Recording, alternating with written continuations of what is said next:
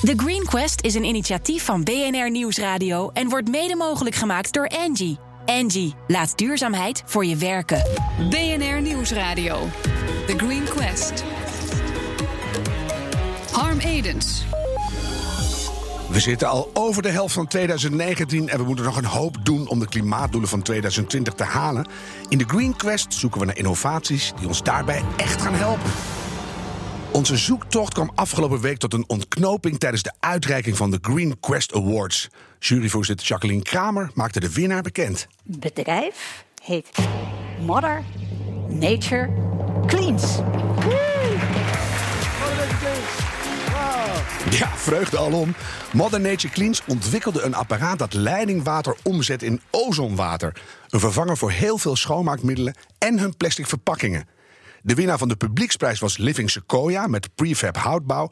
En de Engie-prijs, de onderscheiding voor de meest innovatieve techneut, ging naar Studio Solarix.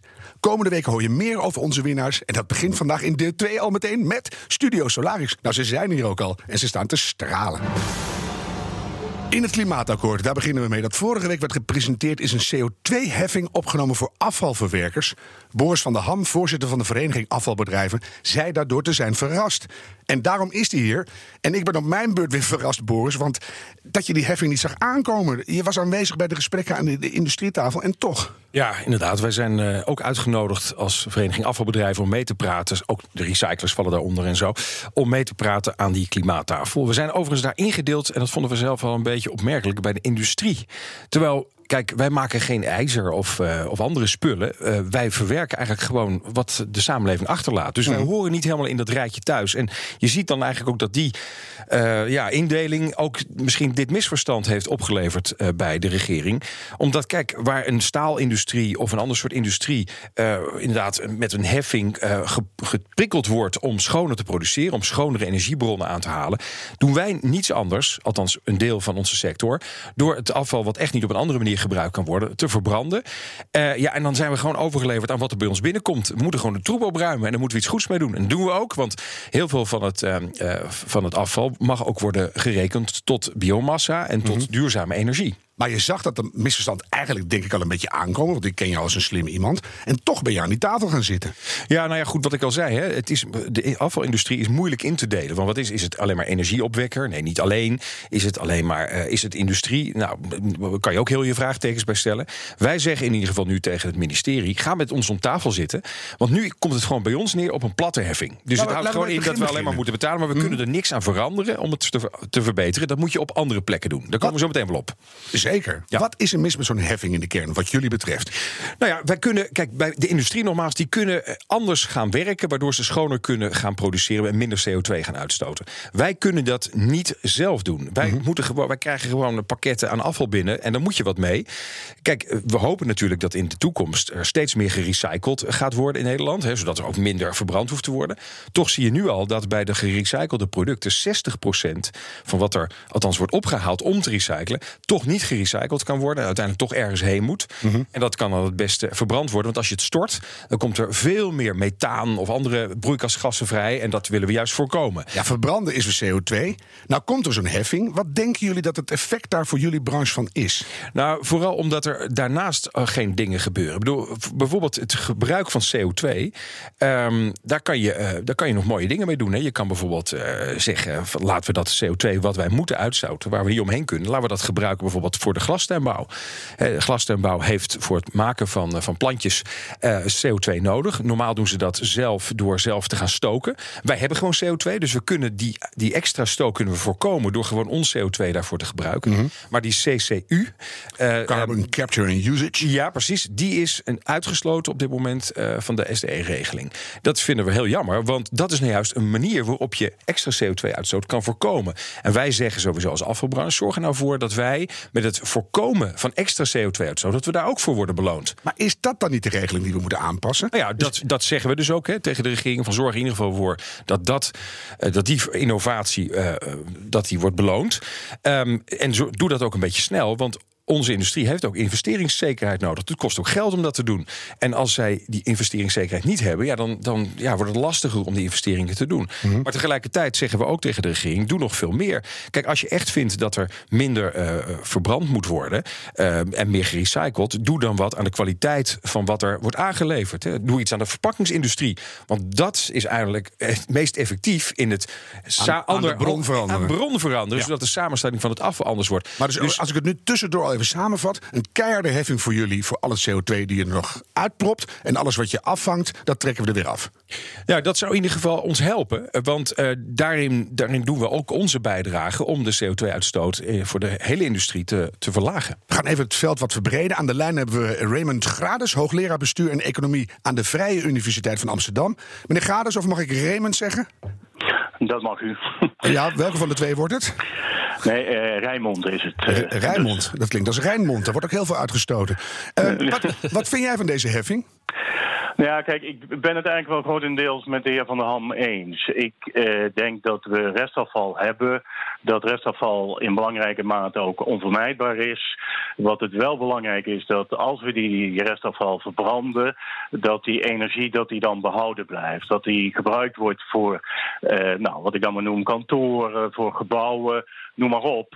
En ja, dat, dat is, kijk, als we dat namelijk niet zouden doen, dan zouden we nog meer aardgas moeten gebruiken. Kortom, als dat op een efficiënte manier gebeurt, en eh, in de meeste avies in Nederland gebeurt dat op een efficiënte manier, en de, de energie wordt behouden door warmtenetten, dan denk ik dat dat inderdaad niet zo'n eh, slechte oplossing is. Nee. Ik zeg er wel bij dat een aantal eh avies het wel ook voor dingen gebruikt die helemaal niet zo'n eh, goede oplossing zijn. Maar in de regel wordt het inderdaad gebruikt om eh, ja, Ja. De, de, de, de kantoren te verwarmen.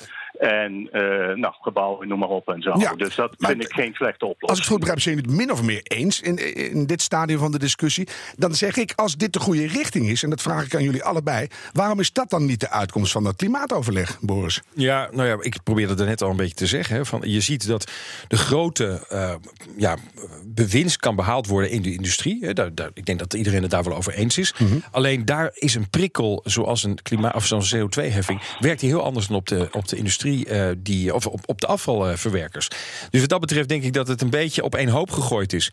Ik hoop dat eh, de minister en de staatssecretaris zo slim zijn om dat weer een beetje aan elkaar te trekken. En heel doelgericht met elke soort sector aan de, aan de slag gaan. Wij zijn, zijn ook voor een schoon klimaat. We, hè, wij hebben als afvalsector een van de schoonste eh, eh, in, afvalbedrijven in de wereld. We lopen daar echt in voor op. Maar dat zeggen alle sectoren. De boeren, iedereen is hier ja, maar dat, dat is in Nederland is dat ook wel echt zo. En we willen daar nog veel verder mee gaan. En toch staan we Maar dat- onderaan het staatje van Europa. Maar goed. ja, maar dat komt dan veel meer over, gaat dan veel meer over andere industrieën dan over, over, over, over de afval. Hmm. Dus ik denk dat het feit dat we in Nederland eh, weinig storten, waardoor we dus heel veel methaanuitstoot voorkomen, dat we daar al een hele grote slag mee hebben gewonnen. Als we verder willen gaan als afvalsector met het innoveren, dan zullen we wat zekerheid gegeven moeten worden in innovatie, bijvoorbeeld in het gebruik van CO2 eh, voor sectoren waarmee daardoor andere CO2-uitstoot kan worden voorkomen. Ja, laat ik het voor jullie alle twee anders vragen. Als je het samenvat, hè, we stikken in plastic. De afvalbergen groeien nog steeds, terwijl we eigenlijk razendsnel naar een circulaire economie moeten.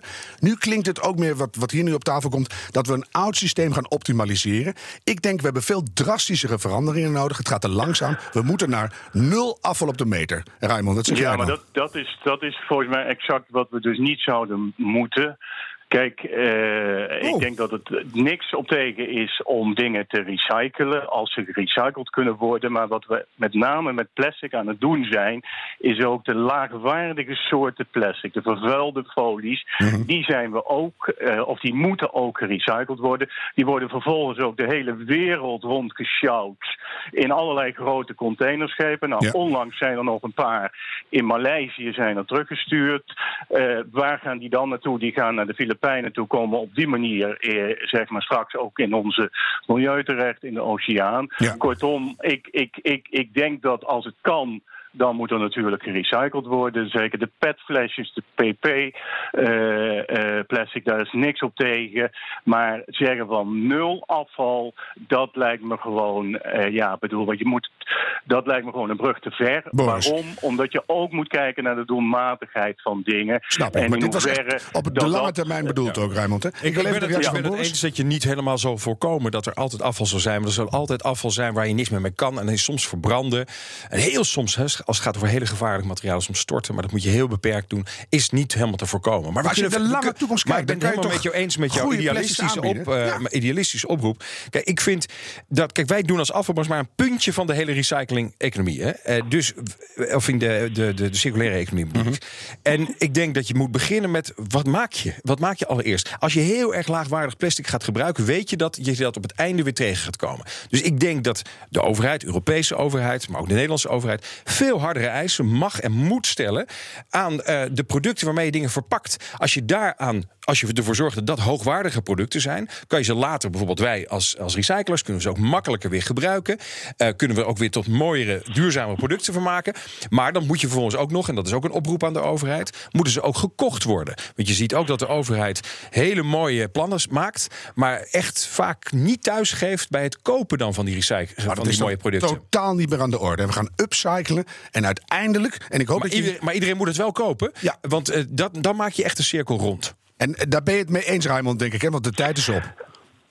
Ja, nou, kijk, kijk, volgens mij is soms het verpakken van voedsel helemaal niet zo slecht door verpakkingsmateriaal. Dat klopt. Eh, want dat levert juist eh, zeg maar minder CO2 op. Dus kijk, ik denk dat de overheid best een rol kan spelen, maar die zou niet zo groot moeten zijn als de heer Van der Ham suggereert. Jullie moeten toch Nou, nog had even het bellen, Boris. Ik, ik had het over, ik over, over de lange termijn.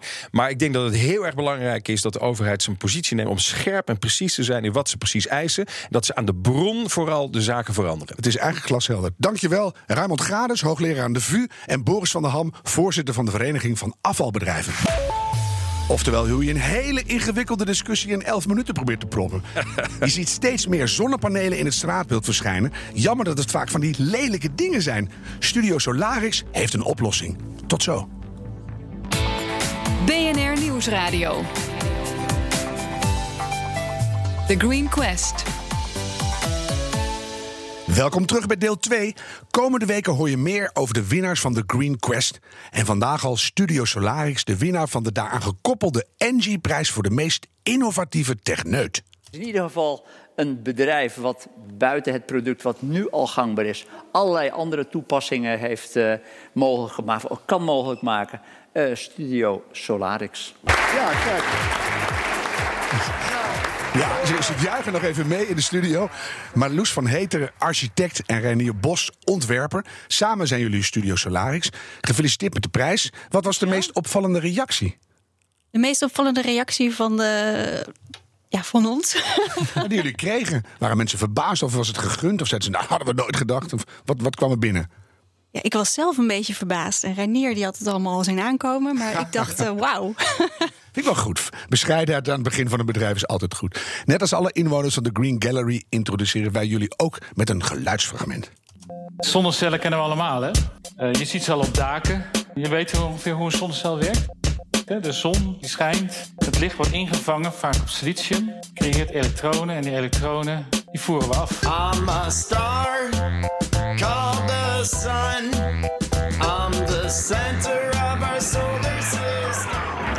Schitterend weer vandaag en zeker schitterend voor de mensen die zonnepanelen hebben. Nou, de bedoeling is dat het niet alleen functioneel is, maar ook mooi in het design. Want daar gaat het volgens Solarix mis.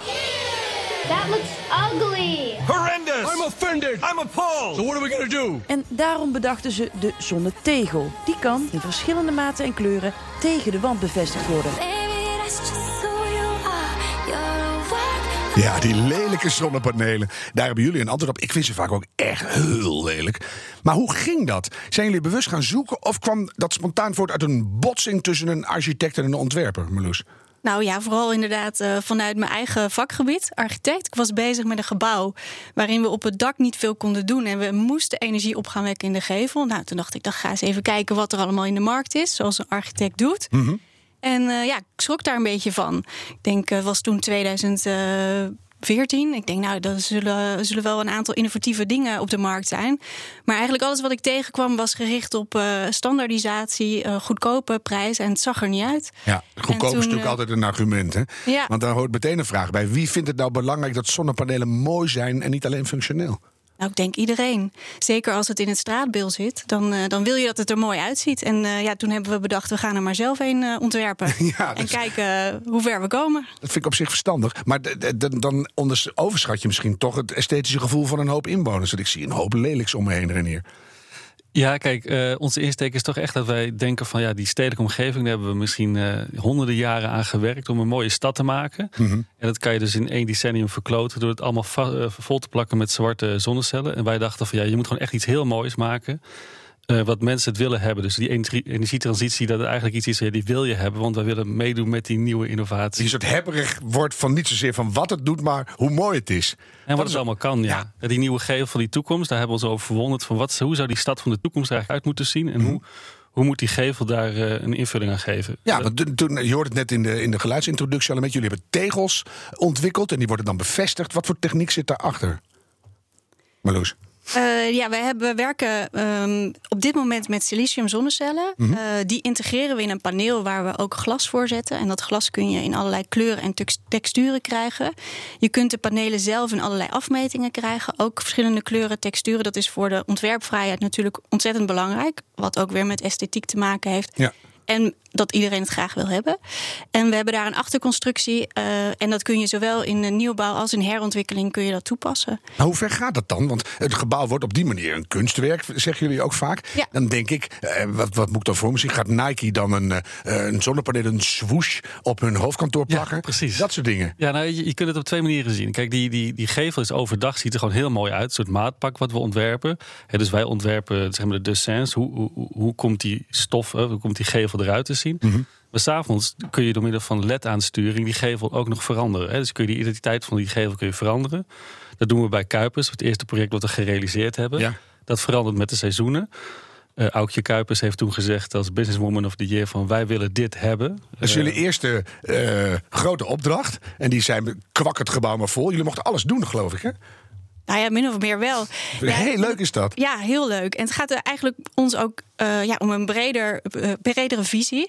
We willen, er is natuurlijk heel veel technologie en innovatie. En ja, je wil dat in de gebouwde omgeving toe gaan passen. Maar je wil niet dat alles lelijker wordt. Nee. Dus dat moet worden ontworpen. En daar zijn wij eigenlijk ingestapt. En we hebben het eh, mooi ontworpen, maar inderdaad ook een stukje fun toegepast. Nou ja, in een kunstwerk. En dat je er net iets meer hebt, dat de gevels echt multifunctioneel worden. En interessant en dynamisch om die gebouwde omgeving eh, te, te vermooien. Ja. Het lijkt me ook zo handig dat als je een oud beroemd gebouw hebt, zoals we noemen ze de kruimeldief van de ING langs eh, de weg, en daar komt een nieuw bedrijf in, dat je dat blijft gewoon de ING-schoen. Ja, dat was altijd inderdaad ook mijn verbazing. hè. Die, gebouwde omgeving die verandert zo weinig als die eenmaal staat. hè. Dat je denkt van, nou, er zit een nieuw bedrijf in... dus je wil eigenlijk ook die ide- identiteit kunnen veranderen.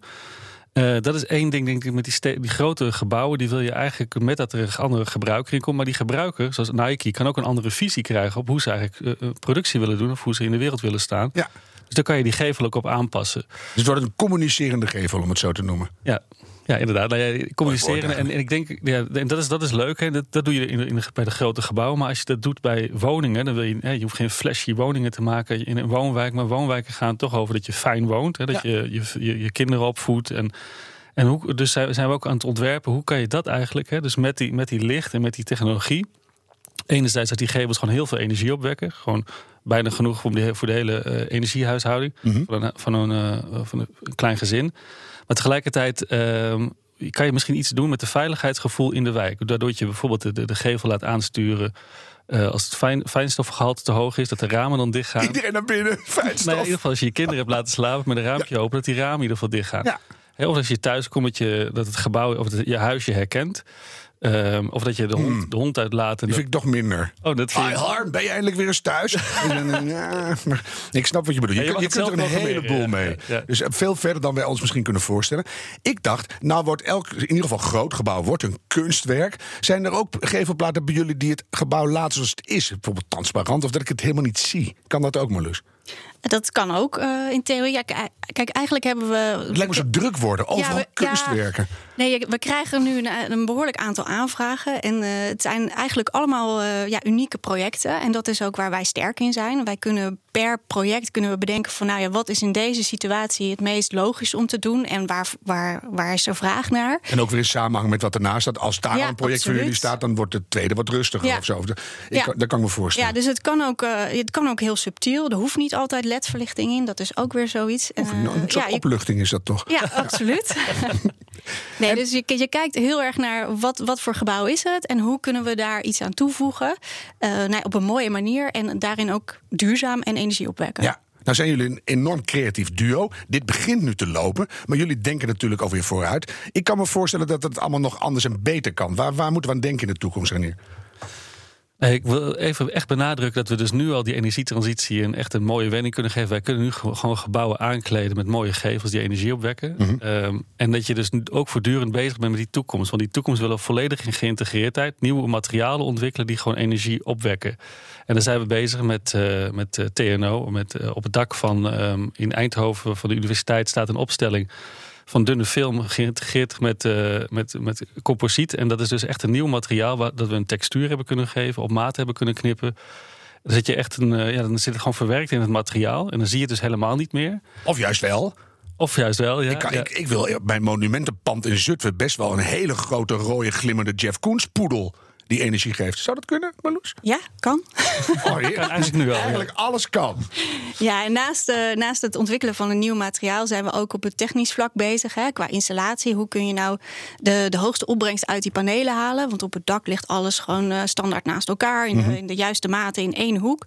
En op de gevel willen wij verschillende maten. We willen verschillende hoeken. We zijn- willen daar veel vrijer in zijn. En dan moet ook de techniek daarachter eh, meegaan. Dus we zijn bezig om, om dat te ontwikkelen. En we zijn bezig ook om de producten circulair te maken. Kijk, dat is het enige woord wat ik nog nog een, miste. Dat hebben we ja. nu ook.